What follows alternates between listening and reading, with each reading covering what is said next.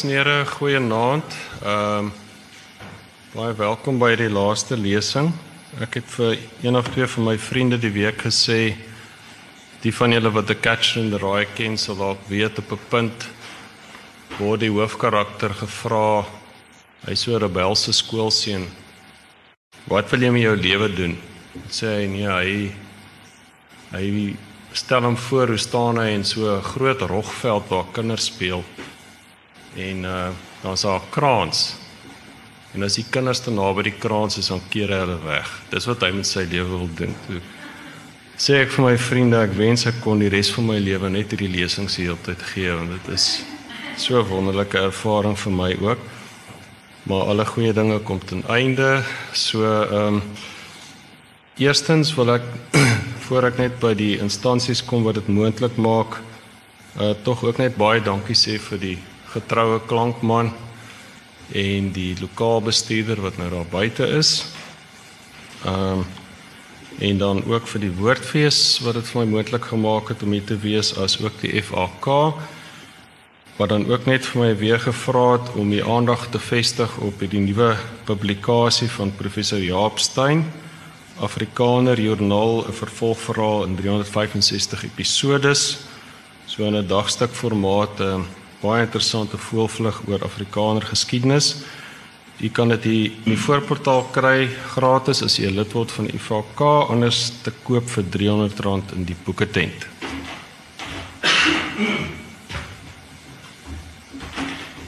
Uh die wat nou nog nie was nie Uh, as ek by die mooiste skoeman goed kom aan, moet ek maar sluk. Probeer my emosies beheer. Ek gaan my bes doen. Op skoonde uur van 'n engel reeds in 1995 verskyn het, oftewel 'n jaar voor verkenning en 3 jaar voor verliesfontein, is dit maar is daar minstens twee redes waarom dit gelees kan word as Karel Skooman se laaste woord oor die bemiddeling tussen die tradisie en die moderniteit die moderne of die tradisionele wêreld. Die roman waarmee hy alles saamvat wat in die ander vier romans wat in die reeks bespreek is, byeenkom. Ten eerste is die uur van die engel eksplisiet aangedui as die derde deel van die stemme trilogie en tweedens keer dit die beweging van die ander romans om in die sin dat die verhaal vanaf die moderne hede deur vier bewegings terugwerk tot in die voormoderne tradisie.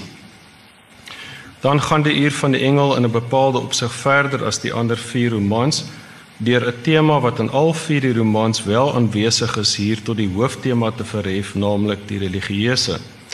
Om nog meer spesifiek te wees, kan aangevoer word dat die roman nie net vra hoe ons die stem van die transcendente, dit wat meer as die wêreld is, kan hoor nie, maar ook aandui dat hoe verder ons van die tradisionele wêreld beweeg, hoe moeiliker word dit om die stem van die transcendente te hoor. Laasgenoemde stelling moet egter onmiddellik gekwalifiseer word deur uit te wys dat ofskoon dit volgens die roman moeiliker word om die stem van die tradisie in die moderne hede te hoor, dit nie onmoontlik is nie en dat daar trouens baie spesifieke moontlikhede in die moderne hede daartoe bestaan. Die moontlikhede word voorgestel in die enorm kragtige slothoofstuk terugkeer waarmee hierdie lesing ook hieronder afgesluit sal word. Soos reeds gestel, beweeg die roman in vier bewegings vanaf die moderne hede na die voormoderne tradisionele wêreld. Die vier bewegings word deurgevoer met vier karakters. Die eerste is Nico, 'n TV-regisseur uit Johannesburg, vermoedelik in sy middel 50s, oorspronklik afkomstig uit die naamlose Suid-Vrystaatse dorp waar die roman afspeel. Wat vir 'n paar dae na die dorp terugkeer om navorsing te doen oor die enigmatiese Dani Steenkamp, 'n skaapwagter gebore in 1820 in die geweste wat vanaf omstreeks 1838 herhaaldelik visioene van engele gesien en daaroor gedigte geskryf het.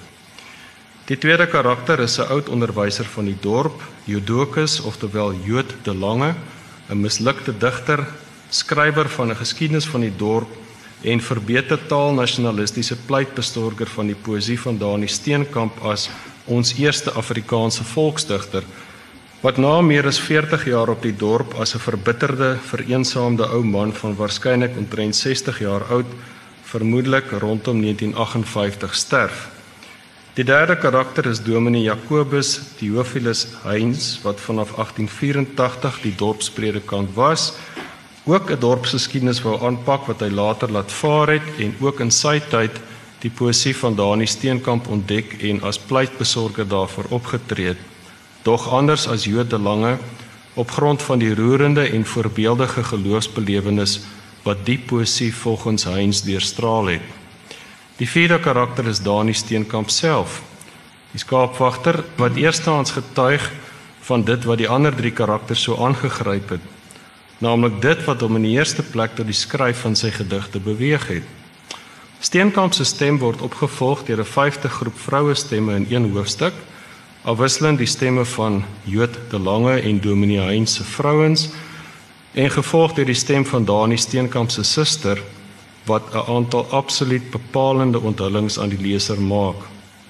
Dan word haar stem opgevolg deur die metafiksionele stem van die skrywer wat in die slothoofstuk terugkeer leidrade oor die weg na die stem van die terug na die stem van die transcendente van toe tot nou gee. Ons begin dan met Nico. Teen die tyd wat Nico die TV-regisseur vermoedelik tydens Suid-Afrika se oorgang na 'n grondwetlike demokrasie na sy jeugdorp terugkeer, vind hy tekens van verval na die golwe van modernisering wat die dorp nog in Dominee Heinz en later Joodse tyd deur is. Hy voel hom vervreem deur die nuwe kerkgebou wat die een uit sy jeug vervang het, ondanks die feit dat hy ooglopend nie meer 'n gereelde kerkganger is nie. Vir sy navorsing oor Dani Steenkamp, wat weldra blyk om reeds sedert sy universiteitsdae boei, besoek hy die dorpsmuseum gehuisves in 'n huis wat uit 1860 dagteken kort na die dorp uitgelê is. Ehm um, Die afgeleefde eensame museumkurator Tannie Duifie leen aan Nico Jood se dorpsgeskiedenis en dit blyk dat Nico se pa eens die skoolhoof op die dorp was en hy saam met hulle getrek het die jaar voor Jood se dorpsgeskiedenis verskyn het.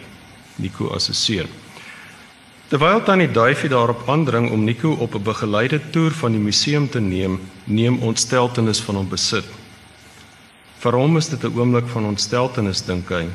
Hierdie konfrontasie met die verlede, maar vir haar waar sy haar dae tussen die portrette, vertoonkaste en afgeslete gebruiksvoorwerpe van die museum deurbring, het die verlede nooit verlore geraak nie.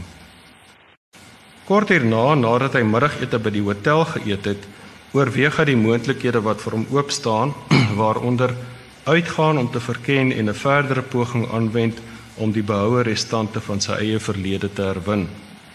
Vir 'n oomblik wonder hy oor die vertroude omgewing van sy jeug, sy ouerhuis en sy skool, maar besef dat hy nie daarvan wil weet nie. Dan trek hy hom terug na sy hotelkamer en dink na oor Dani Steenkamp en sy tradisionele wêreld. Die engel en die grafsteen en die skemeragtige studeerkamer. Die gekras van 'n pen oor wit papier en verse goedkoop gedruk en uitgegee op papier wat verkleur. Oor die rand van die afgrond in 'n wêreld waar mense volgens ander waardes geleef en in ooreenstemming met ander beginsels opgetree het. Hoe bedrieglik die uiterlike ooreenkomste dalk is. Waar mense 'n ander taal gepraat het en woorde moeisaam opgeteken is om bewaar te bly vir 'n nageslag vir wie die hieroglife in die mate dat dit ontsyfer kan word slegs nog 'n benaderde betekenis besit 'n woord 'n engel en ten slotte ook God self uiteindelik ewe uitruilbare begrippe wat met voetnote geken en woordelyste verklaar moet word Nico is dus in sy gedagtegang diep onder die indruk van hoe gesekulariseerd die moderne hede geword het In die leesstof wat hy dan oor Dani Steenkamp nagaan, kom hy tot die slotsom dat Dani se broerskind, Gawie Steenkamp, oorspronklik Dani se gedigte aan Dominee Heinz gegee het. Maar afgesien hiervan kon selfs Heinz skaars 25 jaar na Dani se dood nie veel meer inligting oor hom inwin nie. Die uitgawe van Dani se gedigte wat waarskynlik omstreeks 1925 of kort daarna deur Jood uitgegee is, lewer ook nie meer inligting oor Dani op nie. Maar bevat wel meer van sy gedigte as wat deur Dominee Hein saamgestel is. Nico Meimer gefrustreerd verder oor die enigmatiese Dani. Hy het engele gesien op die veld, bo die krib of langs die muurkassie bo kan sy bed. Skaars sigbare reisgenote het hom op sy pad vergesel. Stemme het hom aangespreek. Lig het in sy oë geskyn en hom verblind laat staan. Vreemde vlamme het oor die bossies getrek en die takke onverstoord gelaat. Geweldige winde het oor die vlakte beweeg sonder dat die grashalms aangeroer is. Daar was dwarrelwinde en vuurkolomme en die gedurende aanwesigheid van die Here God. Een stem maar nie een stem die spreek woorde die ek hoor maar nie soals 'n mens my so iets sê. Maar dan voer sy gedagtegang om verby sy frustrasie. En tog dink hy nog altyd onwillig om hierdie slotsom te aanvaar en die poging gewonne te gee. Tog het iets gebeur. In daardie donker huis waar die mense in 'n kring om die lig van die vetkers vergader het, in die stof in die hitte waarin die klippe dag na dag losgebeur, aangery en opgestapel word tot 'n muur op die veld waar die skape uitbeweeg tussen die bossies, peselend aan die karige gras, in die geleende woorde en frases van 'n vreemde taal, iewers in daardie ruimte, iewers binne daardie vaag aangeduide grens het daar tog iets gebeur. Iets waarvan Dominee Heinz en Judokus te lange elk op sy manier ewe goed bewus was. Al het albei van hulle ook ewe seer daarin gefaal in sy pogings om dit tot uitdrukking te bring iets wat die jare en die afstand en die aarzelende ontoereikende woorde oorlewe het. Die mens wat aangesteek word soos 'n kers en vuur vat, laaiend soos 'n vlam. Die silwererd stralend soos vuur deur die eysterklip. Die bossies van die veld deurstraal met die gloed van 'n verterende vuur terwyl die skape onverstoord verder wy. Iets het gebeur. Dan maak Nico met 'n slaappil gereed vir sy slaap. As hy begin indommel, hoor hy as ware stemme. Terugflitsse van hoe hy deur die loop van die dag mense in Afrikaans op die dorp praat het en stemme van die hoofsaaklik Engels van sy alledaagse werksomgewing en lewe. Dit bring hom by 'n onthutsende besef. Eens was hy self lid van hierdie geslote wêreld gewees en het hy onbewus en onnadenkend die geheimtaal met sy komplekse kode van stembuigings en stiltes geken. Doch dit is lank gelede. En nou eers terwyl hy wegsap en wegsak in slaap, gebeur dit dat die verre kennis weer in hom opwel sonder dat hy die proses enigsins kan beïnvloed of beheer. Hy lewe in 'n land waar 'n vreemde taal gepraat word, die ou spraak vergete. Uit die skagte van vergeetlikheid moet dit opgebring word na die lig. Die skeep stemme wat hom daagliks omring, ruis voort en raak vervleg die woorde onhoorbaar. Die taal wat gepraat word 'n stelsel van gelykwaardige en uitruilbare tekens en die waarde wat die woord eens besit het, is na ander sisteme oorgedra. Spraak dien nie meer om kennis oor te dra of te deel nie, maar om die stilte af te weer. So word Nico te midde van sy wêreldverlies met 'n besondere ironie gekonfronteer, naamlik dat terwyl die taal van die skaapwagter digter ontoereikend is om dit waaroor dit wil praat te verwoord, is die taal waarin Nico verval het ontoereikend omdat dit niks van waarde verwoord nie. Die skaapwagter digter se taal was stom voor die stilte, terwyl Nico se taal die stilte probeer stil maak. In sy loomheid flits verdere tonele voor sy geestesoog verby van blink dog onvervulde mense by 'n persvrystelling met vae verlangens wat nooit vervul word nie.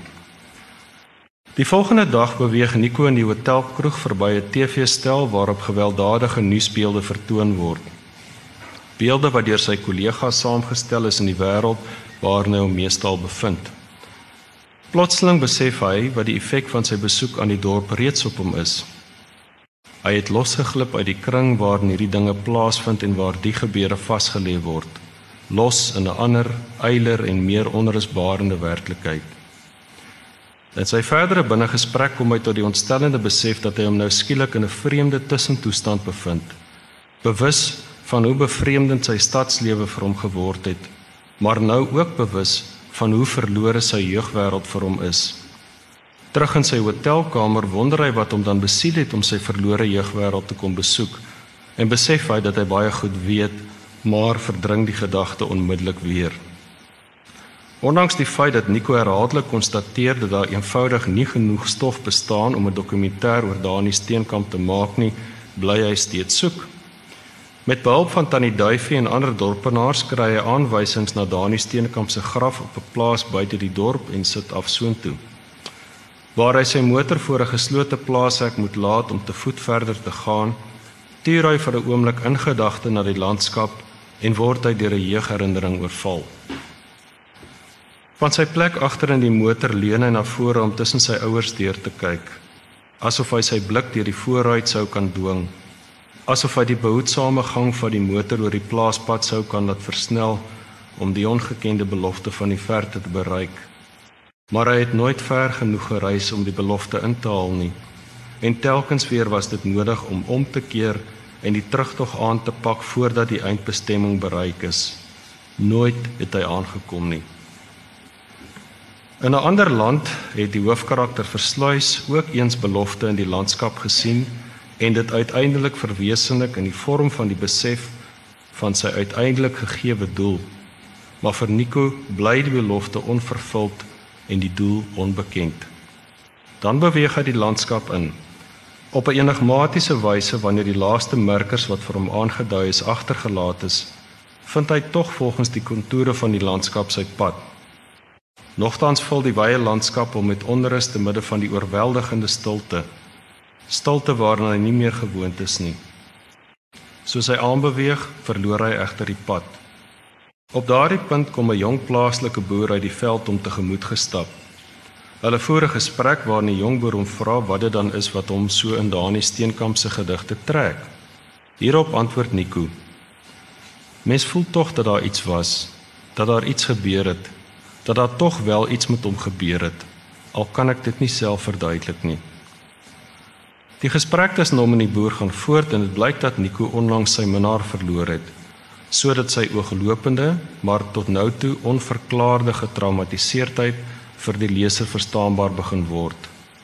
Hulle bereik die plek waar die graf moet wees, maar dit is vir praktiese doeleindes onsigbaar. Wanneer Nico vervolgens vanuit die wydse, stil landskap na die dorp terugkeer, beleef hy skielik 'n onverwagse epifanie waarin die tradisionele besef van die goedheid van die werklikheid hom kortstondig oorval. Eers wanneer hy oor die laaste rand gekom het, op die stuk grondpad wat reguit dorp toe lei, sodat hy die sinktakke, windpompe en bome voor hom kan sien lê in die verte. Eers dan word die wye panorama om hom deur die onverbiddelikheid van die laaste lig tot 'n onverwagte silwer skittering omtower. Die lig van die son verblindend in sy oë soos hy dit tegemoet ry. Nie dat die armlike werklikheid daardeur opgehef op uitgewis word nie dink hy by homself soos hy die dorpie nader en die reeds vertroude onderdele van die dorpsbeeld weer begin uitken. Padtekens, reklameborde, volstasie en verlate tuine, want die buitelyne bly onaangeraak. Net dat dit in 'n ander lig gesien kortstondig tot onvermoede heerlikheid omtower is. Terug in sy hotelkamer beleef Nico op die rand van slaap 'n merkwaardige gewaarwording waarvan dit nie duidelik is hoeveel daarvan verbeelding en hoeveel jeugherinnering is nie. Maar waarin gesuggereer word dat hy as kind op 'n keer saam met juffrou Gilemee se klas op besoek aan Jood by die huis was. En Dani Steenkamp se grafsteen wat Jood persoonlik van die graf gaan haal het, in Jood se studeerkamer gesien het. Dan in 'n verdere loskom van sy herinneringe en emosies word sy binnegesprek 'n lament oor die verlies van sy minnaar. Waar het ek jou verloor? In die donker tussen die mense iewers in die remoer van die benoude en oorvol vertrek. Hy draai om, draai weg met sy gesig na die dowwe muur en weet nie of hy wakker is of weer ingeslaap het nie. Waar het ek jou verloor? Die weesoete reuk van sintetiese geurmiddel wat die lugreëling nie kan uitsuig nie. Die waaglikheid van reukwater, naskeermiddel en deodorant die reuk van liggame in die hitte en van alkohol waar drank uitgestort is die helderheid van hemp of rok deur die donker kol van die vloeistof gevlek die groter eerlikheid wat Nico nou teenoor homself openbaar word voortgesit teenoor tannie Duifie wanneer hy die volgende oggend die boeke wat hy by haar geleen het terugneem na die museum. Oor sy koms na die dorp maak hy die spekulatiewe belydenis teenoor Tannie Duifie. Ek is seker maar verlei deur die feit dat Dani Steenkamp uit 'n wêreld kom wat ek self ook geken het, wat ek self kan onthou. In antwoord op haar verdere vrae blyk dit dat hy pas sy huis verkoop en in 'n woonstel ingetrek het waar sy goed nog nie uitgepak is nie. So besef die leter, leser in watter tuistelose tussentoestand Nico sowel in sy huidige persoonlike lewe as op 'n dieper eksistensiële vlak is. En teen hierdie agtergrond kry Nico homself so ver om op blaas aan tannie Duifie te erken dat die eintlike rede vir sy belangstelling in Dani Steenkamp te maak het met sy eie diep verlange na die transcendente. Ek dink dit was wat my in die eerste plek in sy gedigte aangetrek het, sê hy stadig. Of in elk geval wat in eerste instansie my aandag getrek het. Die feit dat dit alles vir hom so seker was, dat dit so vasgestaan het die engel en die klip en die stem en die mure van die stal. Dis asof daar vir hom geen verskil tussen die een of die ander was nie. Goddelik of aards, asof albei ewe alledaags was of ewe heilig. Dalk is dit wat mense in daardie verse aantrek. Maar dis iets wat jy net kan aanvoel, nie iets wat jy kan bewys of in 'n film vir kykers probeer vertoon nie. En so Nes daar in die steenkamp geworstel het met die onsegbare in die kommunikasiemedium wat vir hom beskikbaar was, naamlik die woord, so erken Nico die ontoereikendheid van sy kommunikasiemedium, die film, vir die onsegbare. Met die gesprek tussen hom en Tannie Duifie afgehandel, gebeur daar nog een belangrike ding net voor Nico die dorp verlaat. Hy kom naamlik vir ou oom Kosie Landman op straat teen. In hulle gesprek maak oom Kosie die onthulling dat Jood gevra is om as onderwyser te bedank weens beweringe dat hy met seuns gelol het. Hieronder sal wel blyk hoekom hierdie bewering so belangrik is om Jood se diepe ongeluk en onvergenoegdheid as modernis naas die van die onvervulde sekulêre moderne Nico te begryp. Wanneer Jood aan die woord kom, ontmoet die leser hom as 'n vereensaamde, verbitterde nasionalis wat homself sien as die enigste wat nog die geskiedenis probeer opteken en dan wel die geskiedenis as nasionalistiese stigtingsbron. Dit blyk ook heel vroeg in sy relaas dat hy sy hele volwasse lewe lank vasgevang was in die moderne erkenningsdinamika waaroor Marcel Proust en René Girard so insiggewend skryf. As jy niks van hulle weet nie, Dis net die probleem van erkenning. So onthou hy met groot bitterheid sy onbevredigende ontmoeting met die Afrikaner nasionalistiese skrywer en literator D.F. Malherbe wat as gasspreker by die dorp se viering van 1938 se simboliese ossewaartrek opgetree het. Dis maklik genoeg vir 'n professor om van 'n lewenstaak te praat en te glimlag met 'n koppie koffie in sy hand. En sodra hy sy koffie gedrink het, is hy terug Bloemfontein toe. Lewenstaak, ja. Maar dit was my lewe, nie syne nie. Dag na dag en jaar na jaar op hierdie dorp wat ek eers op 'n kaart moes gaan naslaan toe ek my aanstellingsbrief kry. Die perdekommando het 'n ent uit die dorp met hom saamgery en ter afskeid is daar 'n eresaluut gevier en die volksliedere gesing. En so is hy terug stad toe, terug universiteit toe. Ek wou nog met hom oor die bundeltjie ook gepraat het, oor Dani Steenkamp se verse maar daar was geen tyd nie. Algaande word dit duidelik dat Jood ook 'n diepe wrok heens die dorp opgebou het en dat hy met sy moderne geloof in die waarheid en die gesag van die gedrukte woord op hulle wil wraak neem met sy dorpsgeskiedenis. Maar oor hierdie boek sal hulle nie kan swyg nie. Sou hulle dalk bang wees vir wat ek weet? Besef hulle wat ek alles oor hulle weet? Daar's genoeg dinge op hierdie dorp wat almal weet en wat niemand sê nie, maar ek sal dit sê swart op wit sodat dit openbaar gemaak word en nie weer vergeete sal raak nie. Iemand anders sou hulle nog kan bang maak sodat hy stil bly. Hulle sou hom kan omkoop of dreig of stil maak, maar nie vir my nie. Ek is onafhanklik van hulle. Al die suursoet glimlaggies en die minsame vrae met die angel en die ster en die grappe oor die Bybel wat ek skryf. Eintlik is hulle senuweeagtig. Eintlik is hulle bang. My Bybel sal met Openbaring begin. Jood vertel van sy aanvanklike maande op die dorp as jong onderwyser, toe nog enkel lopend. By Lucies huis deel hy 'n kamer met Nagel, 'n bankamptenaar en vol bravade en planne oor sy rokjagtery. Die twee jong mans word uitgenooi na 'n partytjie aangebied deur die ryk oom Charlie op sy plaas Beestekraal. Aan die einde van die partytjie, terug in die kamer wat hulle vir die nag moes deel, probeer Nagel Jood opvorder om van die meisies by die partytjie te gaan opsoek. "Het jy al ooit 'n meisie gesoen?" het hy uitdagend gevra, en met sy vraag vol hart asof hierdie nuwe gedagte hom genoegdoening verskaf. "Het jy? Het jy?"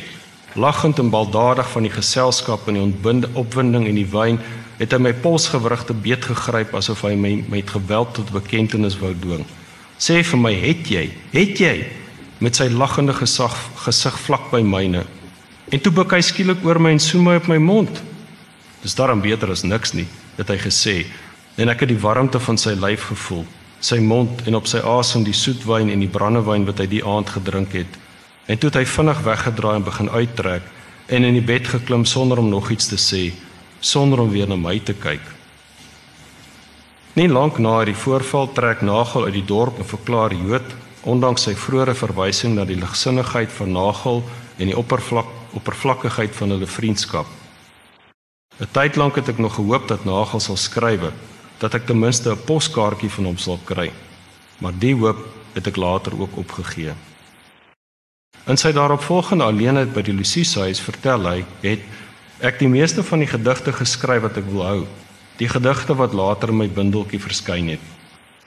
Sonder dat hy dit so uitspel, is die suggestie dat sy onbeantwoorde homoseksuele verlangens om tot die skryf van poësie beweeg het.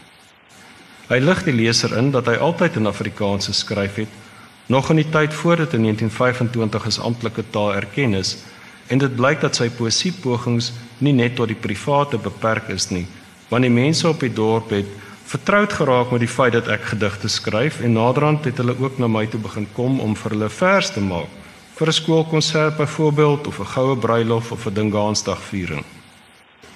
So suksesvol was sy geleentheidsgedigte dat Jood rapporteer hoe die gesiene Flippie Landman hom in daardie jare in toespraak beskryf het as die hofdigter van ons dorp. In die stadium van sy lewe kan dit gesê word dat hy soos Callie in Verliesfontein 'n sterk eie waarde aan die hand van die norme van die grafgesweer era van die gedrukte woord ontwikkel het. Ondanks suggesties dat hy steeds uit homoseksuele verlangens gedigte geskryf het en selfs jong seuns by die dorpsdam afgeloer het, laat hy hom dit wel geval wanneer die ryk oom Charlie sy dogter as eggenote vir hom aanbied en hom verseker dat hulle nooit gebrek sal ly nie. Hiermee was oom Charlie se aanbod in feite ook die belofte dat Jood as betreklike buitestander op die dorp kon uitsien na die vooruitsig om ingelyf te word in die dorp se moderne hoë burgerlike stand. Helaas, op tipies moderne wyse, het Joodse nuwe status in die huwelik die afguns van hulle portuur en van die mense van 'n laer stand ontlok. Die nuwe huis, ons nuwe huis op die dorp het natuurlik baie opspraak verwerf en baie gemoedere gaande gemaak en die mense het heelwat daaroor te sê gehad. Joodse moderne burgerlike ambisie het hy verder uitgeleef deur omstreeks 1918 'n Afrikaanse leeskring te stig. Op grond van sy status as dorpstigter word hy ook in hierdie tyd gevra om die dorp se geskiedenis vir al 75ste herdenking te skryf. As deel van die navorsing vir die dorpsgeskiedenis word Jood per motor deur 'n kollega Rademeier geneem na die plaas Heuningkraans van die ryk Minnar familie waar die plaaslike gemeente oorspronklik gestig is. Kort voor lank besef Jood die besoek gaan nie meer inligting oplewer as waaroor hy reeds beskik het nie maar op beweerde gronde van hoflikheid teenoor Rademeier verleng hy die besoek aan die plaas. Ek het gekyk en dit was genoeg want ek het besef dat daar niks meer is wat ek hier kan doen nie. Maar ek kon nie vir Rademeier sê ons kan hom maar omdraai en terugry dorp toe nie. En doelloos het ons dus tussen die struike en takke en onkruid na oorblyfsels gesoek waar die diens gehou, die kinders gedoop is, die waans gestaan het. Sonder om te praat het ons daar rondbeweeg in die koelte en skadu van die oorwoekerde tuin en boord terwyl die bosduwe roep in die kloof en die water van die dammetjie aanderkant die bome in die stilte druppel. So kom dit toe dat hy en Rademeier gaan swem het, 'n ervaring wat 'n onuitwisbare indruk op Jood gelaat het. Ek onthou hoe Rademeier se lyf onduidelik geglim het in die donker water en hoe sy kop die sonlig vang toe hy omdraai en terugswem na die damwal. Ons klere het ons sommer aan die takke van die bome opgehang. En ek onthou hoe die koue van die donker water my asem skielik laat wegslaan het op die hitte van die dag en hoe my eie lyf vir my bleek en vreemd en onwesenlik geword het onder die donker watervlak in die stilte van die middag waar daar een geen geluid meer was nie behalwe die geklater van die vallende water geen beweging nie behalwe die onrustige darteling van die watervlak in die verstrooide lig van die middagson onder die bome. Dit het oorgebly. Net dit. Hy vertel van aande wat hy en Rademeier omgesels het wat hy sy poesie aan Rademeier voorgeles het en dit op diese aanmoediging was dat hy sy gedigte vir publikasie in 'n bundel begin voorberei het.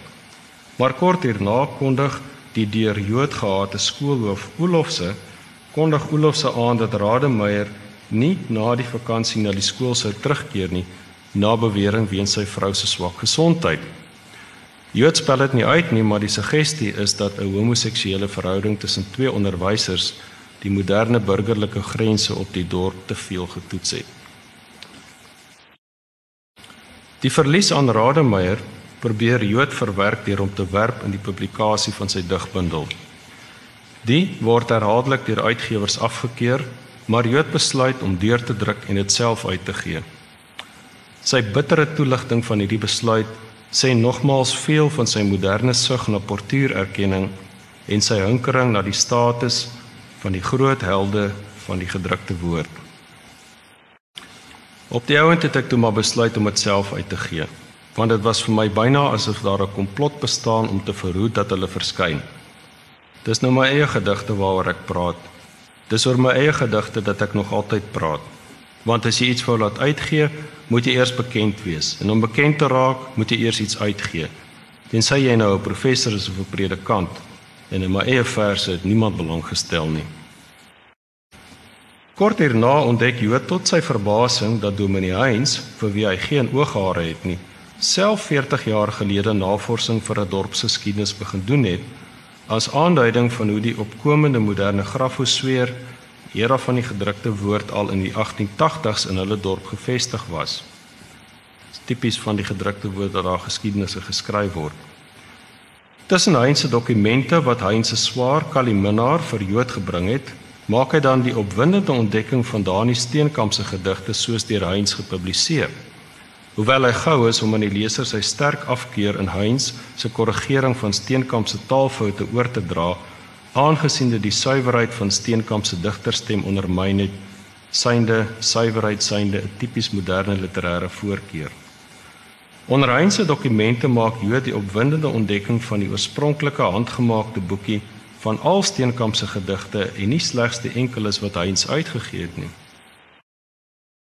Dit wat in werklikheid deur Dani Steenkamp saliger opgestel en eigenhandig neergeskryf is, is egter deur my in daardie rottingmandjie ontdek en aan die vergeetlikheid ontruk.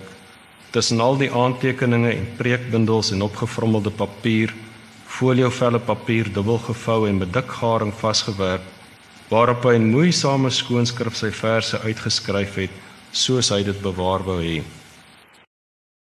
In hierdie selfde tyd loop Jood se eie digbundel onder 'n stortvloed van kritiek deur. Diep gekrenk in sy bruisende taalnasionalisme wat sy bydra tot die ontluikende Afrikaanse literatuur misken is, begin hy sy teleurstelling te verwerk deur sy poëtiese ambisie nou op 'n nuwe projek te rig, naamlik om Dani Steenkamp Steenkamp aan die vergeetlyd te ontruk. Wat Dominee Heinz geestelike oorwegings met sy publikasie van Steenkamp se gedigte het, is Joodse agenda egter modern nasionalisties, uitgedruk met die tipies moderne obsessie met autentisiteit, egtheid.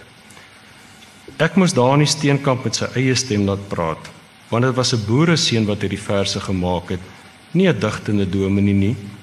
Ek moes hom in eer herstel as 'n Afrikaner volksdigter as een van ons vroegste Afrikaanse digters. Ondanks die omvattende inleiding wat Jood vir Steenkamp se gedigte skryf en dat hy dit self keurig uitgee, is die kritiese ontvangs daarvan ewe sleg as die van sy eie debuutbundel. En wel weer eens op die gronde dat Steenkamp se poësie literêr ewe swak as Joodsin sou wees. Geen mens het geluister na wat ek sê of gelees wat ek geskryf het nie. Asof 'n swerm bye onder hulle ingevlieg het, het hulle op loop gejaag en my boekie, Steenkamp se boekie, platgeloop in hul vlug. Watter standhoudende argumente het die hoofpriesters van die akademiese heiligdom ooit teen my ingebring? Al wat hulle kon doen was om op krampagtige wyse my stellings belaglik te probeer maak. 'n Driftige betoog wat van begeestering eerder as oordeelkundige insig getuig. 'n Waarskynlik goedbedoelde maar gevolgtrekkings wat vermoedelik deur oorigens begryplike lojaliteit teenoor sy eie gemeenskap en geweste ingegee is. Ook in sy beroepslewe het dinge vir Jood skeef geloop en dit wil voorkom asof sy volgende reminiscensie oor besonder loyale skoolseuns stawende getuienis is vir oom Kosie Landman se bewering van die rede waarom Jood as onderwyser afgedank is. Op die rand bo kan die dorp het ons gesit, op die rotse in die sonskyn met die wind wat om ons waai. Uit die vaalstreepbome in die verte onderkant ons het die gekraai van 'n haan na ons toe gewaai en die blikkerige geluid van die kerkhorlosie wat slaan. En toe het die wind gedraai en kon mens niks hoor nie behalwe die geruis van die wind in die gras. Ver weg langs die groot pad het 'n perdekarretjie in 'n stofwolk aangekom. En die seuns het gelag en gestry of dit oom Doors of oom Vaan is wat daar van Kruisfontein aankom. 'n Swart stip in die verte op die pad op die leefveld, geluidloos. By nabaat blyk dit dan ook dat die bietjie status wat Jood nog as dorpsdigter en redenaar in die grafosfeer van die dorp geniet het, beslissend ten einde gekom het toe Deef Malherbe met 38 se simboliese ossewaat trek deur die burgemeester en die skoolhoof bo Jood as feesredenaar ingespan is. Dit was die keerpunt in sy lewe. Al wat vir hom oorgebly het as verstotene in die gemeenskap was om die tweede deel van sy wraaksugtige dorpsgeskiedenis te voltooi waarom hy as ware so Simson van ouds die tempel op homself ingetrek het. Uiteindelik is Jood te midde van sy ongelukkige huwelik en materiële welvaart 'n vereensaamde ou moedernis. Daar is geen geluid in die donker huis nie. Net die geskuifel van my pantoffels en die gekraak van die vloerplanke in die gang. Asof ek alleen is na 40 jaar. Ek vind die muur, ek volg dit met my hand. Ek vind die deurkusyne, deure en knoppe en van deur na deur tas ek my pad by die gang af in die donker van hierdie groot huis. Aan die einde van die gang staan hulle vir my en kyk maar niemand sal na vore kom om my te help nie. Ek het opgehou om hulp te verwag. Van deur na deur, sleepvoet en skuifelend en al hoe stadiger. Ek steun op die rug van stoele en gryp aan deurknoppe vas, blindelings in die donker. Ek tas na die breë rand van die bad en klap my met al twee hande daaraan vas. En stadig sak ek af en voel hoe die koue van die donker water my asem skielik laat wegslaan, my oë verblind en net die fyn geklater van die vallende druppende water nog hoorbaar in die roerlose stilte en die donker. Dit bring ons by Dominee Heinz. Soos reeds hierbo gesuggereer, staan Dominee Heinz te midde van die ontluikende vroeë moderniteit nader aan die tradisie as wat die geval met Nico en Jood is. Anders as die ambisieuse Jood met sy matelose modernistiese selfvertroue in sy woordvaardigheid en gepaardgaande selfvervreemding, vertoon Dominee Heinz vroeg in sy bekendstelling aan die leser 'n tradisionele sin vir sy eie beperk, beperkings as woordsmid en vir die rykwyte van die onsegbare transcendente as hy sy preke skryf. Dit was tog goed om saans alleen in die studeerkamer te sit met die lamp op die skryftafel langs my en my boeke rondom my uitgesprei om 'n teks uit te soek, sy betekenis te probeer bepaal en te besluit hoe ek dit vir die mense moet verwoord, hoe ek die kennis en die insig die beste aan hulle kan oordra. Soms het die woorde maklik gekom, dikwels moeilik, soms glad nie. Wie is ek ook om woorde te wil vind vir wat onuitspreeklik is, onuitspreekbaar, onverwoordbaar om die onnoembare te wil benoem? Anders as Jood blyk Heinz ook baie eerliker oor die liggaam en begeerte te wees. Byvoorbeeld wanneer hy as nuwe jong ongetroude predikant op die dorp op besoek aan die neetlings hulle een dogter Letty waarneem. Die wit liggaam onder die donker tabbert, onder die stywe lyfie met sy knopies, onder die golwing van die rok en onderrokke wat net die heup, die dui, die knie laat vermoed soos hy buk, soos hy omdraai om weg te beweeg. Die swaar donker materiaal wat alles verhul, maar mens tog gedurig bewus maak van die ledemate en die liggaam daaronder. Soos ek daarvan bewus gebly het waar ek wakker lê in die roerlose koue van die nag.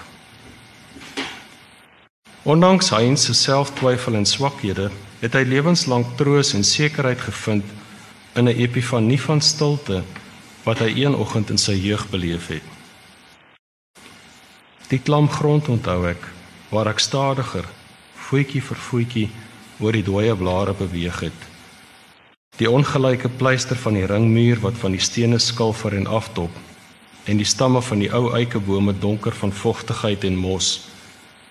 Die het om my toegeneem in die vroeë oggend in die landskap van nevel en huiwerige sonskyn, van verstrooide lig, van skadu tussen die ondeurdringbaarheid van die eike en die verwilderde granaat en vye bome in hierdie afgeleë verwaarloosde hoek van die plaas waar niemand meer gekom het nie. Ek het daar bly staan en van die stilte op my bewus geraak en ek het ontzag gevoel, huiwering gevoel en tog was ek nie bang nie. Hierdie mistiese ervaring van die skenkende werklikheid in 'n alles omvouende stilte het hom bygebly en hom van die onsegbare bewus gemaak. Uit hierdie epifanie kom dan ook sy roepingsbesef en die verantwoordelikheid waarmee hy sy een doopnaam toegeëien en probeer uitleef het. Sedertdien het ek geweet dat dit my begeerte is om die Here te dien En verras het ek tot die besef gekom dat die uitverkiesing by my doop reeds aangedui en beseël is, want ek is nie net na Jakobus vernoem nie, na my grootvader, maar Theophilus, na 'n ou sending wat my ouers geken het. En alhoewel my familie my Japie genoem het, is ek gemerk met die naam wat vriend van God beteken. As nie aangekome predikant word hy deur oom George Minnar sosiaal nader getrek. Die welvarende oom George was die seun van Joris Minnar, patriarg van die skatryk familie op wie se plaas Heuningkraans die gemeente gestig is.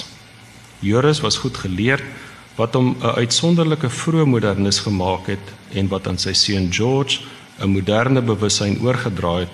Soos blyk uit die feit dat George nie net 'n geesdriftige koerantleser was nie, maar ook aan Heinz voorgestel het dat hy die dorpsgeskiedenis moet skryf en sy pa se geskrifte en dokumente as hoofbron moet gebruik. Nog 'n voorbeeld van oom George se moderniteit wat mettertyd na die gemeenskap sou oorspoel, was sy rol in die opknapping van die ou kerkgebou.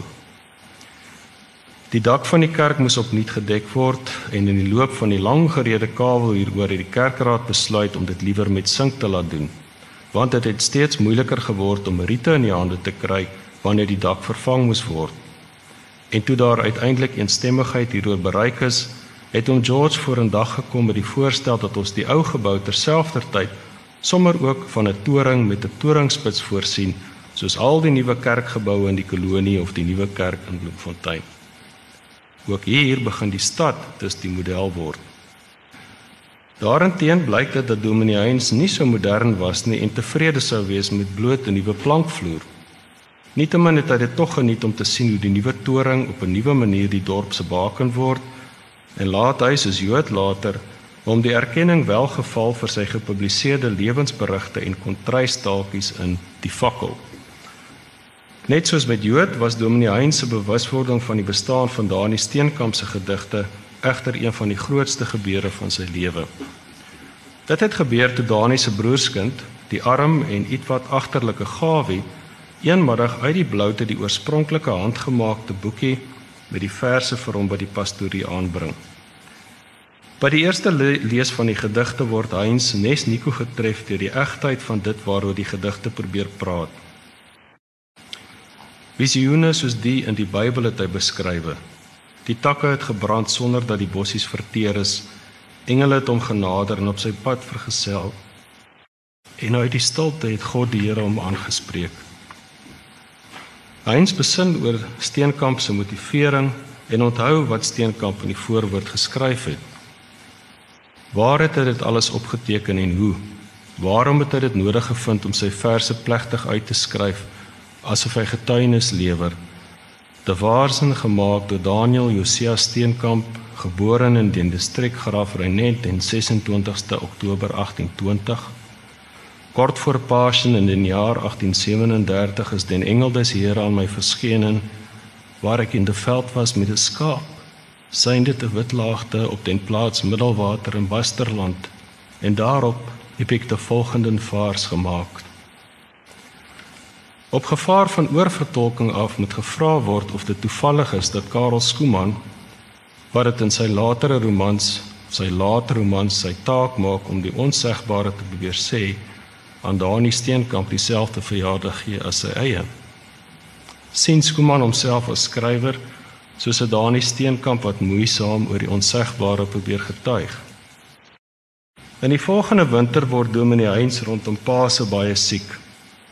Wanneer hy effens herstel het, sleep hy homself op die preekstoel en dan in sy ydelige hoofdigheid vra hy min of meer dieselfde vraag oor die moontlikheid van Dani se visioene as wat Nico in die moderne hede meer as 'n eeu later sou vra.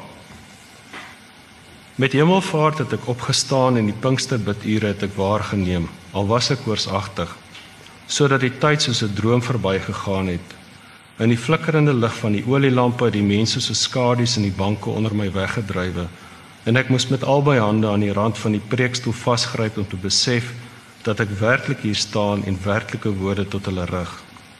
Was daar ooit 'n tyd binne mense jeugenis dat engele by die fonteine en in die klowe van hierdie harde land vertoef het? Het ek in my eie hoofdigheid gewonder.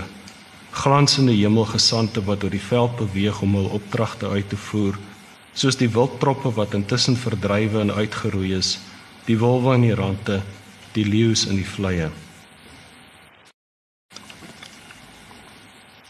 Dwayne se tyd hierna besluit om twee van Dani Steenkamp se verse in die fakkel te publiseer, verduidelik hy sy besluit om Steenkamp se taalfoute te korrigeer.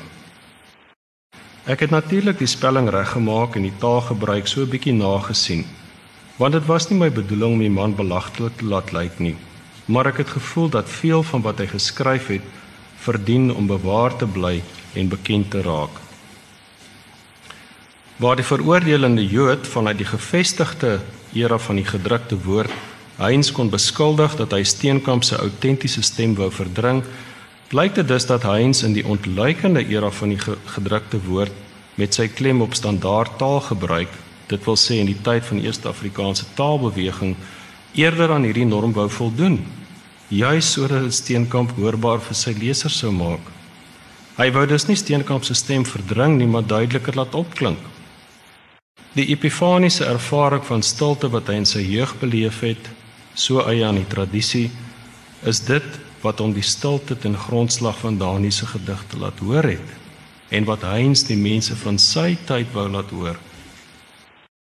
Dit was ewenigs uit daardie epifanie van stilte wat Heinz ook in sy gemeente betekenis geput het in die uitvoering van sy sorgsame taak. Die swygende waak by 'n sieke of sterwende wanneer daar geen woorde was nie, nie eers 'n blyk van erkenning nie. Net die besef van plig wat gedoen is sonder dat dit vir 'n oomblik as plig beskou is.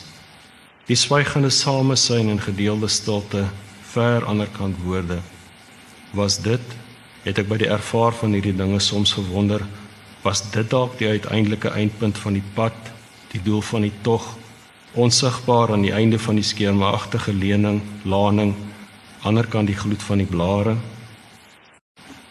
Heinz se nabyheid aan die tradisionele wêreld van Dani Skeenkamp blyk ook uit die feit dat sy diepste vervulling as predikant gekom het uit sy omgang met sy eenvoudige arm gemeentelede in die onderdorp waarin die kwessie van taal ook weer belangrik was.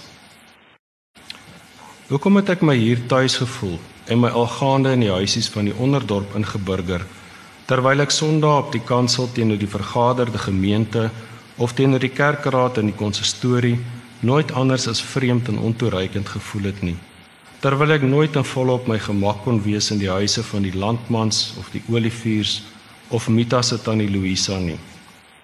Dalk kom dit hier om enkelinge gegaan het, alleenstaandes, egpare, 'n klein gesin, by wie dit moontlik was om te gaan sit en in jou eie tyd woorde te vind, in jou eie tyd die woorde te soek en vind waarop hulle gewag het en wat hulle wou hoor. om saam te kan soek in gedeelde onkunde en behoeftes. Omdat dit hier moontlik was om in jou eie taal eenvoudig met hulle oor God en liefde en genade te praat, oor vergifnis en erbarming. Op dieselfde register gee Dominee Heinz dan ook te kenne dat hy baat gevind het by hoe aangrypend Dani Steenkamp met eenvoudige taal die onbeskryflik heerlike beskryf het. Hieruit kom uit dat die gevolgtrekking dat die universele transcendente ook 'n besondere vorm in hierdie land en in 'n taal van hierdie land kan aanneem. Maar waarom nie? Waarom nie? Waarom nie aan 'n skaapwagter op die veld ewe goed as aan Elisa wat ploeg agter 12 juk runderen of Dawid wat die skape wy? As Amos onder die veeherders van Tekoa? Waarom nie hier nie ewe goed as op Karmel of Horeb? Waarom nie stammelend en stotterend in ons eie taal ewe goed as in enige ander wat deur mense gepraat word nie? Is die almag of alomteenwoordigheid van Here beperk of is daar grense aan sy genade? Waarom nie ook hier 'n engel of 'n stem nie? Ewe goed as elders en in 'n ander tyd 'n engel of 'n stem. 'n Vurige pa waar met vurige perde of diere met 'n vuur wat tussen hulle glans. Waarom nie ewe goed dit nie as die son deur die lig van die blare in die vroeë oggend? Dominee Heinz se omgang met woorde en skryf blyk ook nie soos by die modernistiese Jood in diens van sy ego te staan nie, want mettertyd na mate hy die dorp en sy geskiedenis leer ken, besef hy dat dit meer skade as goed aan die gemeenskap sal doen as hy die dorp se geskiedenis skryf en daarom sien hy daarvan af. Sy geboeitheid met Dani Steenkamp verminder egter nie.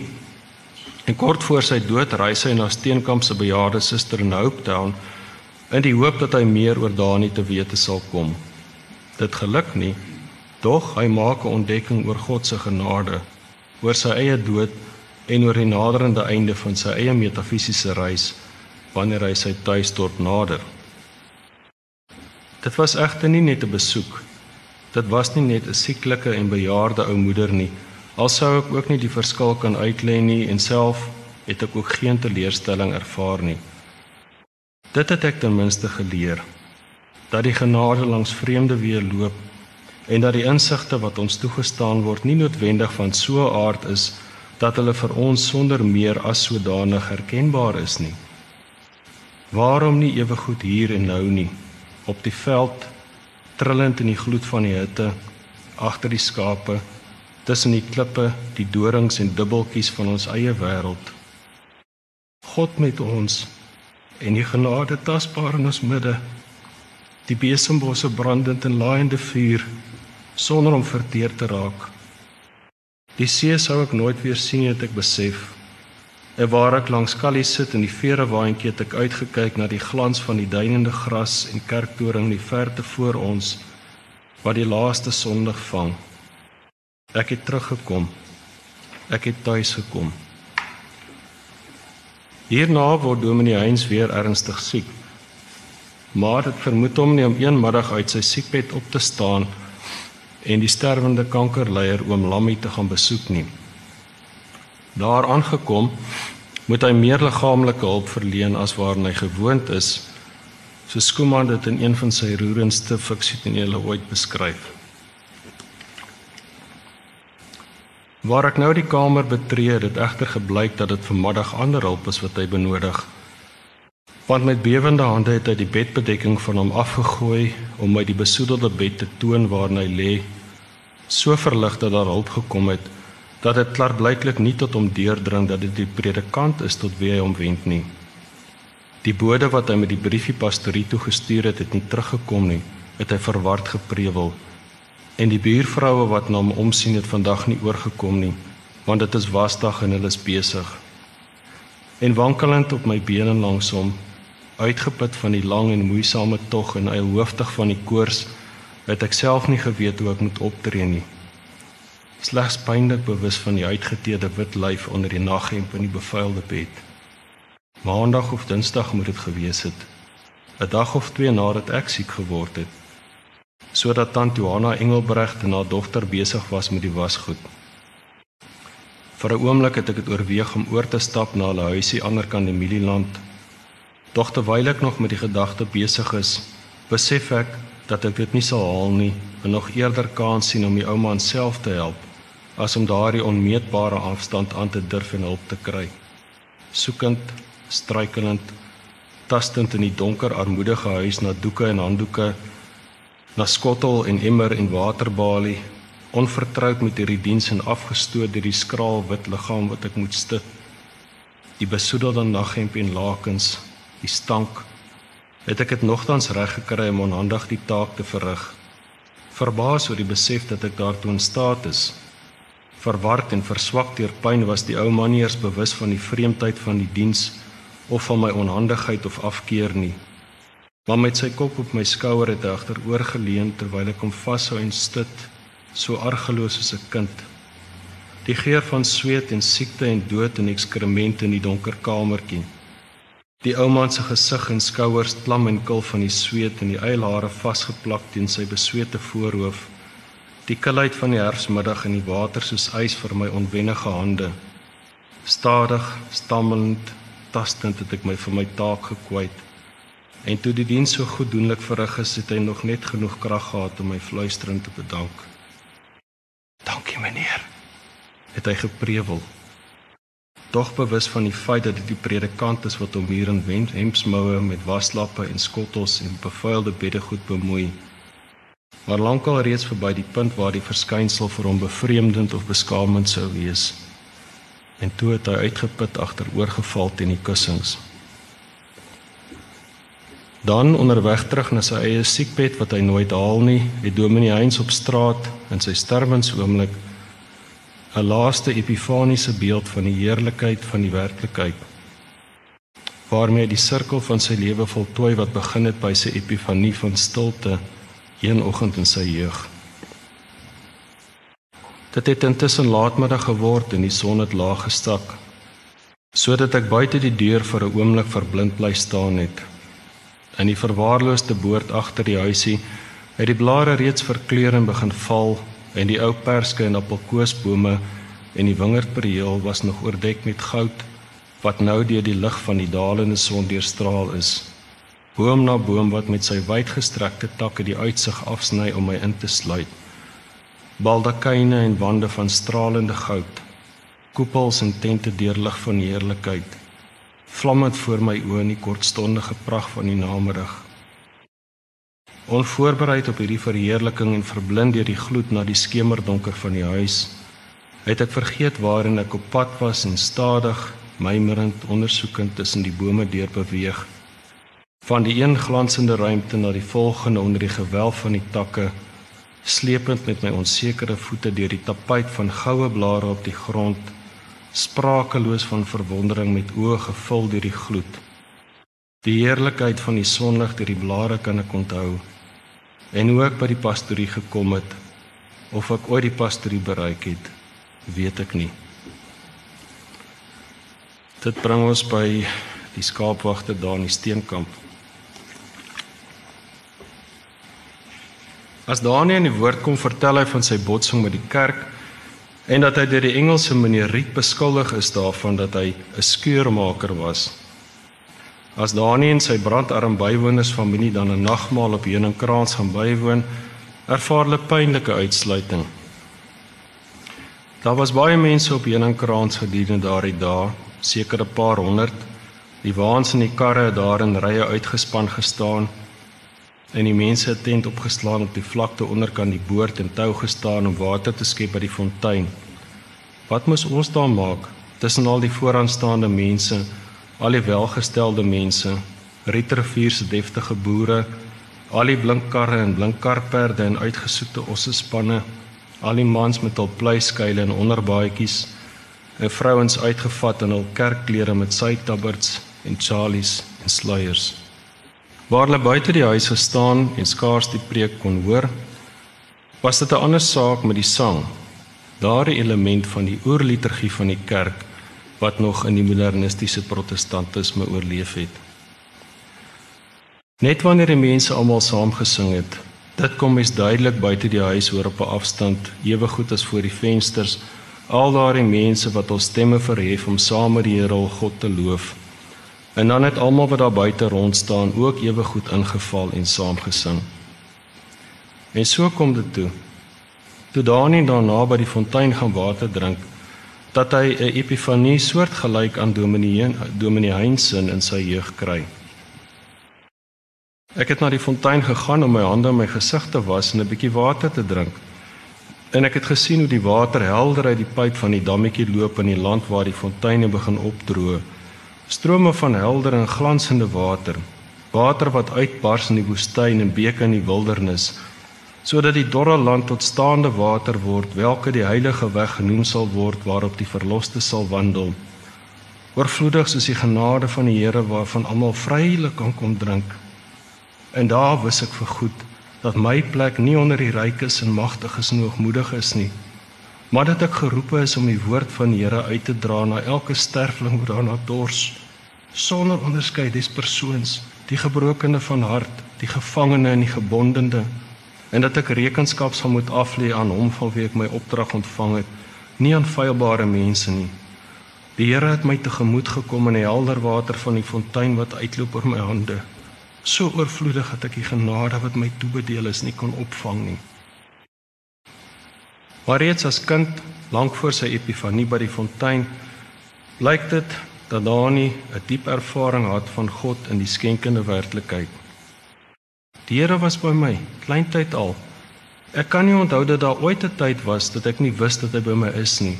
Ook al was ek te onnoosel om te kan verstaan wat dit beteken.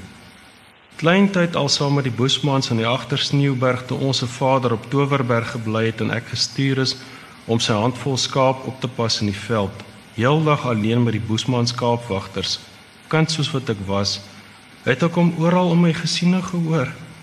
In die roep van die kiewit, die spoor van die duiker, die lêplek van die jakkals, in die wind wat 'n streep trek deur die gras of die dwarrelwind wat die stof oor die veld opwaai in die akedissie op die klip, in die klip wat brand onder my hand in die son, in die ryp in die oggend in die kapok, die donderwolke wat opkom agter die berge. As kind het hy nietemin tydens sy eerste kerkbesoek angs en aanskoue van die predikant ervaar. Hierdie man in swart wat daar hoog bo kan my kop staan en praat met so 'n snaakse stem. Geluk en vrede het hy egter ervaar met die sang en so het die skoonheid van die Christendom op hom 'n appel uitgeoefen en sê hy ek het opgehou om bang te wees. Met ter jare het Dani se selfvertroue as kerksanger met sy mooi stem gegroei. Mense het hom vir spesiale liedere begin vra. Nie net het dit daartoe gelei dat hy sy eie woorde tot lof van die Here by die wysies van psalms en gesange wat hy geken het begin voeg het nie, maar dit het hom ook die status van 'n digter besorg. Wanneer hulle my so vra om vir hulle spesiale liedere voor te dra, dat dit soms gebeur dat ek my eie woorde maak soos hulle my vra net vir hulle sing op die maat van 'n psalm of 'n gesang. Maar altyd was dit woorde om die Here groot te maak en te loof. Hieroor was die mense baie gaande en dit was hieroor dat hulle begin het om my Dani versies te noem. Dani was dus in die eerste plek daarop ingestel om woorde tot lof van God te skep en die mooi woord 'n doxoloog. En dit is waarom hy as gemeenskapdigter digter geëindig is wat staan as 'n ironiese kontrapunt vir Jood wat ook in die moderniteit as gemeenskapsdigter geëien is. Dog nie weens sy lof vir God nie, maar vir die opkomende volk.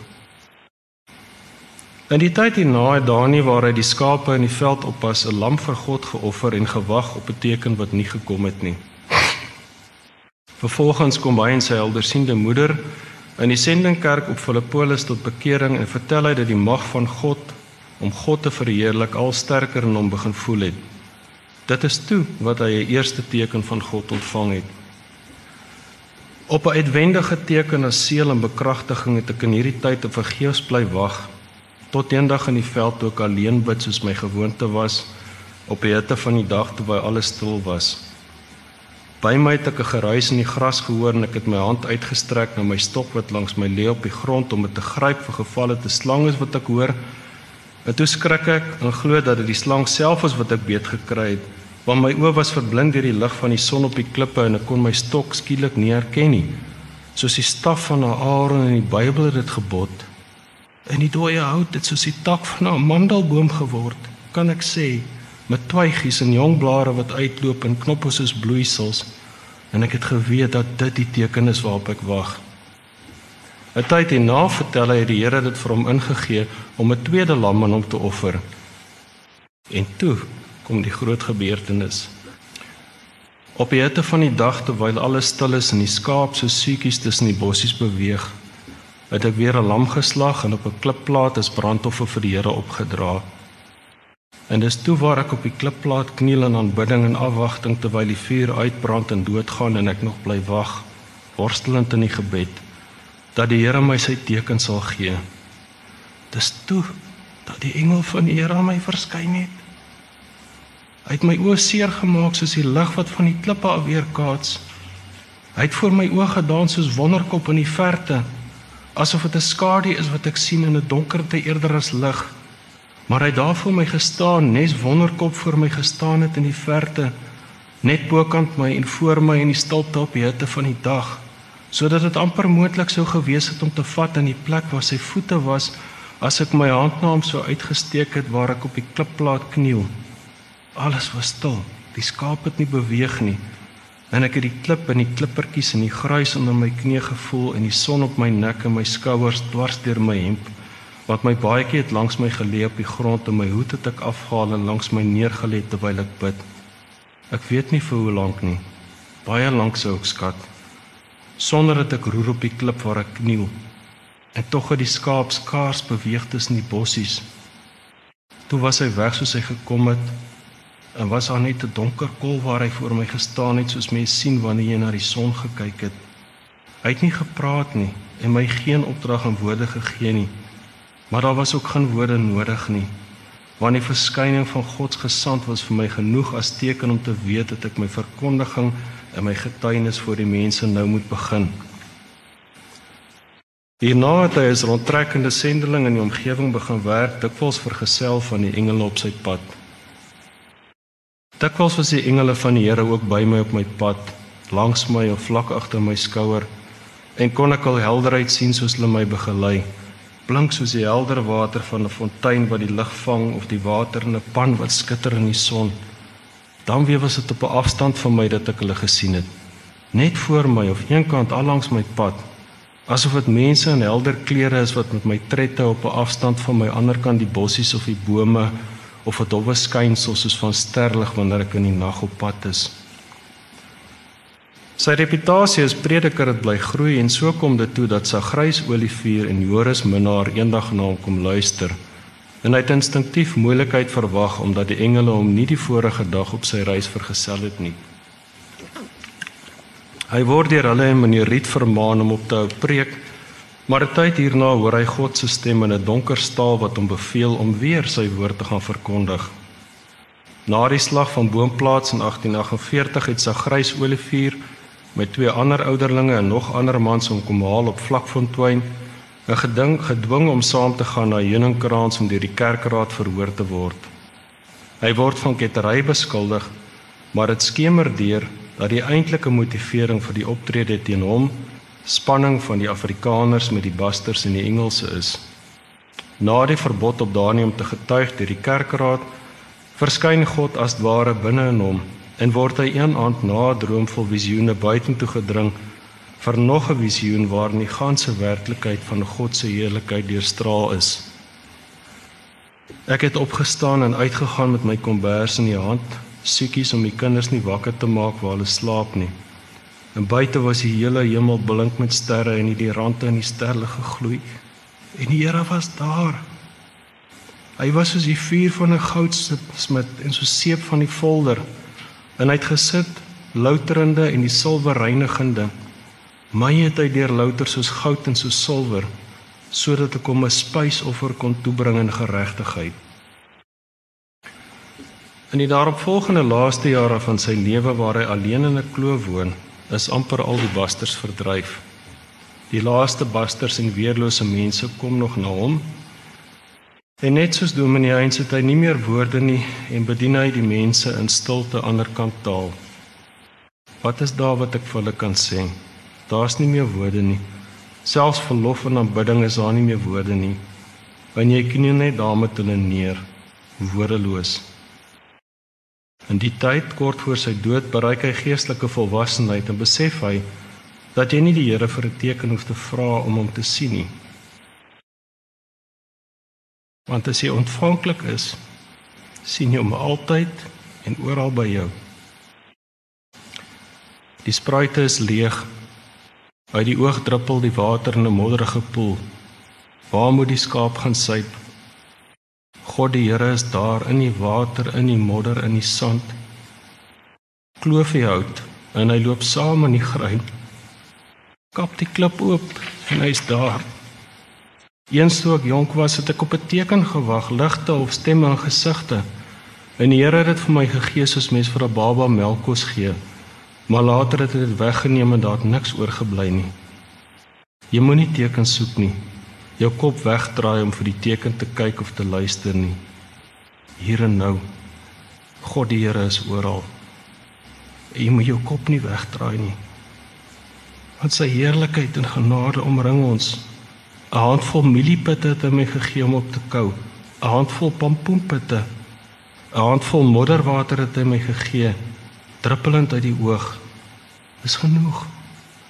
Stroop die blare van die mielie af. Sny die pompoen oop. Breek oop die heuningkoek. Maal die koring tussen die klippe fyn. In die meel is hy nog altyd. In sy slotwoorde het hy ook soos Dominee Heinz se voorspooksel van sy dood maar eie aan die tradisie het hy groot vrede daarmee. Eenslag was dit die beenderre van 'n mens wat ek gevind het, 'n geraamde uitgestrek tussen die bossies, asof iemand daar op die grond gaan lê het om te slaap. Ek het daar langs gekniel en gevoel hoe glad die gebeente is onder my vingers en lig het weeg in my hand, duibeen, skeenbeen, armbeen. En toe erken ek dat dit my eie geraamte is wat so uitgestrek lê tussen die grasbolle, klippe en bossies. Ek het na die wit gebeente voor my gekyk, die skaap wat wy, die rooi gras wat roer in die wind, die skadu's van die wolke, die koppe in die verte en wonderkop ver weg teen die lug en ek was nie bang nie. Weens tyd kan nie hier volledig stil gestaan word op wat die stemme van onderskeidelik Jood en Dominee Heinz se vrouens die leser oor hulle eie moeilike posisie tussen die tradisie en die moderniteit leer nie. Maar sal wel kortliks aandag gegee word aan die beslissende onthullings wat Dani se suster aan die leser maak. Om mee te begin sê sy dat Dominee toe Dominee Heinz haar kom sien het vir inligting oor Dani, daar niks was wat sy hom spesifiek oor Dani kon vertel nie. Dan begin sy egter belangwekkende inligting oor hulle familie se wel en wee met die leser deel. Dit blyk dat 'n baster en neef van haar moeder hulle na groot ontberings tydelike heenkome op Witlaagte gegee het. Vervolgens blyk dit dat dit inderdaad sy was wat haar kwaliek geletterde broer Dani se verse neergeskryf het wat met een sowel Jood as Dominee Heinz se korreksies aan wat hulle gedink het Dani se taalfoute was vir hulle moderne onwysheid ontbloot. Die vraag uit die oogpunt van die tradisie is of die doxologie, die lof, hoegenaamd as kuns met die se norme van korrektheid beskou moet word en of dit nie inderdaad allereers gemeet word aan die biddende aard daarvan nie. So verduidelik Dani se suster inderdaad haar motivering om sy verse neer te skryf. In daai tyd het ek nog altyd Dani se verse uitgeskryf soos voorheen, nie meer omdat iemand my gevra het om dit vir hulle te doen nie, maar omdat ek geweet het sy getuienis is belangrik. Vir my was hy soos 'n man in die Bybel wat tussen die wiele tot onder die gerub ingaan en sy vuiste vul met vurige kole van tussen die gerubs en ek wis die getuienis wat hy gee en die verse wat hy maak om te getuig moet bewaar bly.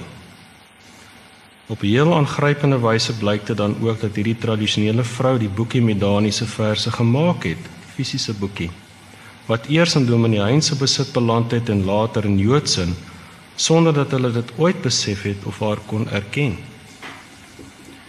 By Jakob Landman of die sending op Filippolis of by ander mense waar ek daar kom, het ek dis van tyd tot tyd 'n paar stukkies pampuur gebedel. En een het ek myself gemaak so goed soos wat ek kon. En as Boetie Dani by my kom, het hy dan by my op die grond kom sit in die kombuis terwyl daar nog genoeg daglig is om te sien en al die verse opgesê wat hy nuut gemaak het en wat hy kon onthou of het ek die opgeteken wat ek self gehoor het partykeer ook laat in die aand as ons 'n feeskers gehad om te brand In hierdie verse het ek dan met naald en garing en boekie saamgewerk wanneer daar genoeg was en vir myself gehou want dit was belangrik. En dan kom sy met vernietigende getuienis oor die redes vir wat haar broer Dani te beurt geval het. In die eerste plek was hulle familie getuienis van hoe die minnaars in die landmans ryk geword het deur Baster se grond te steel. Vervolgens blyk dit dat Joris minnaar aangelê het by haar en Dani se ouboet se geliefde Faitjie. Hieroor het ouboet Joris uitgelooi waaroor Joris 'n wrokbly koester het. Toe Joris verneem dat Dani 'n bekende prediker begin word veral onder die basters, het hy begin vrees Dani sal oor sy wandade praat en hom ontbloot. Bovendien het Dani ook nog onbetaamlik uit brandewynsmousery geld gemaak. Op laas het Joris die brandewynsmous opgesteek dat disse arbeiders daar nie ernstig aangerand het. Hoe hy op laas dood is is nie duidelik nie, maar op laas is dit sy wat die grafsteen vir Daniël laat oprig het. Dieselfde steen wat Jood inderdaad van grafskending verwyder het in 'n tipies moderne daad van minagting vir die dooies. Bring ons dan nou by die slot terugkeer in die moderniteit na die stem van die tradisie toe. In die kort slot hoofstuk tree Skuman dan na vore met metafiksionele kommentaar. Skrywer het op sy eie teks kommentaar lewer wat die weg in die moderniteit na die stem van die tradisie aandui. Op tradisiegebonde wyse begin hy deur uit te wys dat daar 'n kontinuum tussen verlede en hede is maar dat dit ewenigs soos die tradisie leer ons steeds met beperkte insig laat. In die wagtende leegte van wind en klip en gras het die opeenvolging van gebeure plaasgevind wat geskiedenis uitmaak. Tussen die gate van meerkatte en eystervarke, die lang gras waar die lang gras waar tarantale wegkoes en die klipprige loop van spruite. Die verspreide poele afgeteken deur bissies en riete het daar algaande erkenningspunte ontstaan. Die plek waar die predikant in die skemer gestruikel en geval het. Die plek waar die ou man in die middel van die straat gestruikel het en val sonder dat iemand hom sien. Die plek waar die jong man eens neergekniel het op die klip.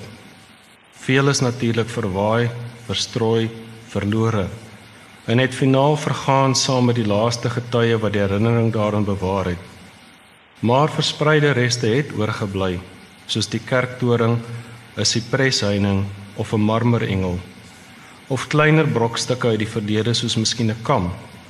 En toevallige ontdekkings kan nog altyd gedoen word wat dui op die feit dat dat dat wat verby is nie noodwendig onherroepelik is nie, maar dat verlede en hede 'n kontinuum uitmaak. So gebeur dit dat die man wat in die tuin spit nog altyd op skerwe van erdewerk en gekleurde glas kan afkom. En die arbeider wat besig is om pype te lê, ontdek grafte van lank gelede waarin daar kinders begrawe was. Sodoende kan die wye leë dorpstrate wat doodloop in die veld vir die soeker uitgroei tot 'n labirint, 'n doolhof, 'n netwerk wat saamgeweef is uit werklikheid en herinnering. In die ruimte wat op hierdie wyse plotseling en onverwag tussen hede en verlede oopvou, is daar niks meer wat vas staan nie en net selfs die duidelikste buitelyne skuivend en duinend begin word verteken deur die tyd soos die lyne van die landskap in die verte verteken word deur die waas van die hitte deur stof of nevel of verre waaiende reën Aan die ander kant moet die eie tyd se mense in die moderniteit ook deeglik bewus wees dat die moderniteit besliste breuke met die vergane tradisionele wêreld bring sodat 'n terugkeer soontoe nie sonder meer moontlik is nie. Daar is geen pad terug nie. 'n Dam wat geen water meer hou nie, 'n uitgebuitelde engel op 'n graf, 'n kam, portrette, 'n Bybel, vergeelde papier enkele erfstukke deur die nageslag bewaar, enkele artefakte in 'n vertoonkas uitgestal, hul gebruik soms twyfelagtig of stemme hoogstens as jy gelukkig is wat van ver weg op die wind na jou aangedra word. Eil oor die jare. Ek het gewag. Hy het gekom. Dit is verby. Genoeg. Het mens daardie waaiende drywende woorde reg gehoor en indien wel, hoe moet hulle vertolk word? Stemme met geen gesig of naam, geen agtergrond of geskiedenis nie, sinsnedes, frases, gebroke woorde, fragmente of lettergrepe, skerwe van erdewerk en gekleurde glas waaruit die ondersoeker aarzelend moet probeer om die omtrekke van kommetjie of fles te herwin. Voorts word die leser ook herinner aan die uiteindelike onpylbaarheid van die landskap van hierdie land. Wie kan hierdie afsydige en afwysende landskap verstaan wat geen toegewings maak nie? Die ruimte waar paaie en dorpe slegs tydelik geets kan word soos graverings in die bolaag van die rots wat oor die eeue onvermydelik sal verweer, afskilfer en verdwyn. Die leegheid waarin die afdruk van die voet nie behoue bly nie, en die klank van die stemme wegwaai, skaars nog hoorbaar op die wind. Daarom vir die reis hiervandaan moet die weg van kontemplatiewe stilte en aflegging bewandel word. Eise kan hier nie gestel word nie en verwagting moet afgeleer word. Vrae moet onuitgesproke bly en selfs van hoop moet mens afsien. Geduld moet mens leer. Nederigheid, swygsaamheid, inkeer in stilte moeilik beoefenbare eienskappe wat in die gegeewe omstandighede egter nie slegs wenslik is nie, maar gebiedend noodsaaklik. Om stil te wees, om nie te roer nie, om te swyg en om woordeloos te wag sonder verwagting. Hier eers kan iets soos 'n antwoord of 'n oplossing dalk proefondervindelik ontdek word. Om woordeloos te wag sonder verwagting Is dit nie wat die stotterende skaapwagter ook moes leer nie? Dit is dan wat die reisiger ontdek. Dit is dan wat die reisiger ontdek dat die reis inwaarts lei, waar die tydelike agtergelaat word vir die tydlose. Die reisiger keer sy rug op die pad wat sal verkrummel, op die klein kompleks van geboue wat sal vergaan en wend sy gesig na die verte na ruimte, leegheid, troosteloosheid en stilte. Ontdekkings wag om gedoen te word, maar dit is na binne dat die pad voer en daardie afstande word volgens 'n ander kalibrasie gemeet. Swygende teenoor die stilte, roerloos teenoor die roerloosheid, ontledig teenoor die volslaa leegte, begin mens byna sonder waarneembare beweging van die plek waarop jy staan die verkenning van die gestroopte wêreld van klip en stof en sand die reis wat geen einde ken nie die pad word in stilte verduidelik voor jou en jy kan dit volg die skenkende stralende werklikheid nou in al sy heerlikheid sien daar is geen gidse nie maar daar is ook geen pad en die landmerke identifiseer alself en bepaal hul eie waardes Geen ander reisiger het eerder hierlangs gegaan om te ontdek, waar te neem en te benoem nie. En elke tog deur hierdie ruimte is onvermydelik die eerste. Moenie vra, moenie verwag, moenie hoop nie. Moenie roer van die plek waar jy staan nie. En die antwoorde sal gegee word sonder dat dit ooit nodig geword het om die verswee vraag te formuleer. Moenie probeer verstaan nie want begrip is nie moontlik nie en aanvaarding die enigste doenlike reaksie.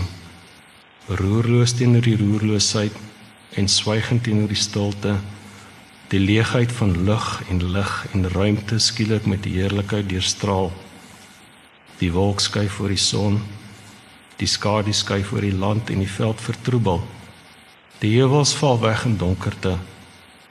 Aarzelend beweeg die lig tussen die poele van die skaduwee in skerwe en skilfers wat ondersoekend die kontoure raak en in hul beweging vir 'n oomblik die glooiing verlig sodat die hele starre vergesig huiwer plooi en vloeibaar word stroom dit na die horison in wye patrone van donker en lig.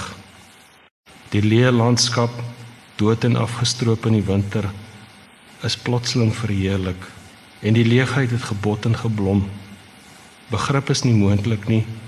Wie met die visioen gekonfronteer word, kan slegs swygend en verwonderd waarneem, registreer en aanvaar, roerloos op die plek waar hy staan. En dan via die reis inwaarts. Die reis na hom wat in die woorde van Augustinus nader aan jou as jouself is word ook die uitwaartse lewend stralend en heerlik. Die reis gaan inwaarts. Die dooie land lewe lig en skadu trek oor die veld lewe ruis in die klowe en skeure waar geen teken van lewe vermoed is nie. En die klippe brand met onsigbare vlam. Wie kan die wonder glo of dit verstaan? Die vuur laai op. Die donker gloei dieper en steeds meer ondeursigtig. Die hitte skroeiend in die gesig. Die klippe en bosse brand soos laaiende vuur en die grond het versengend geword onder die voete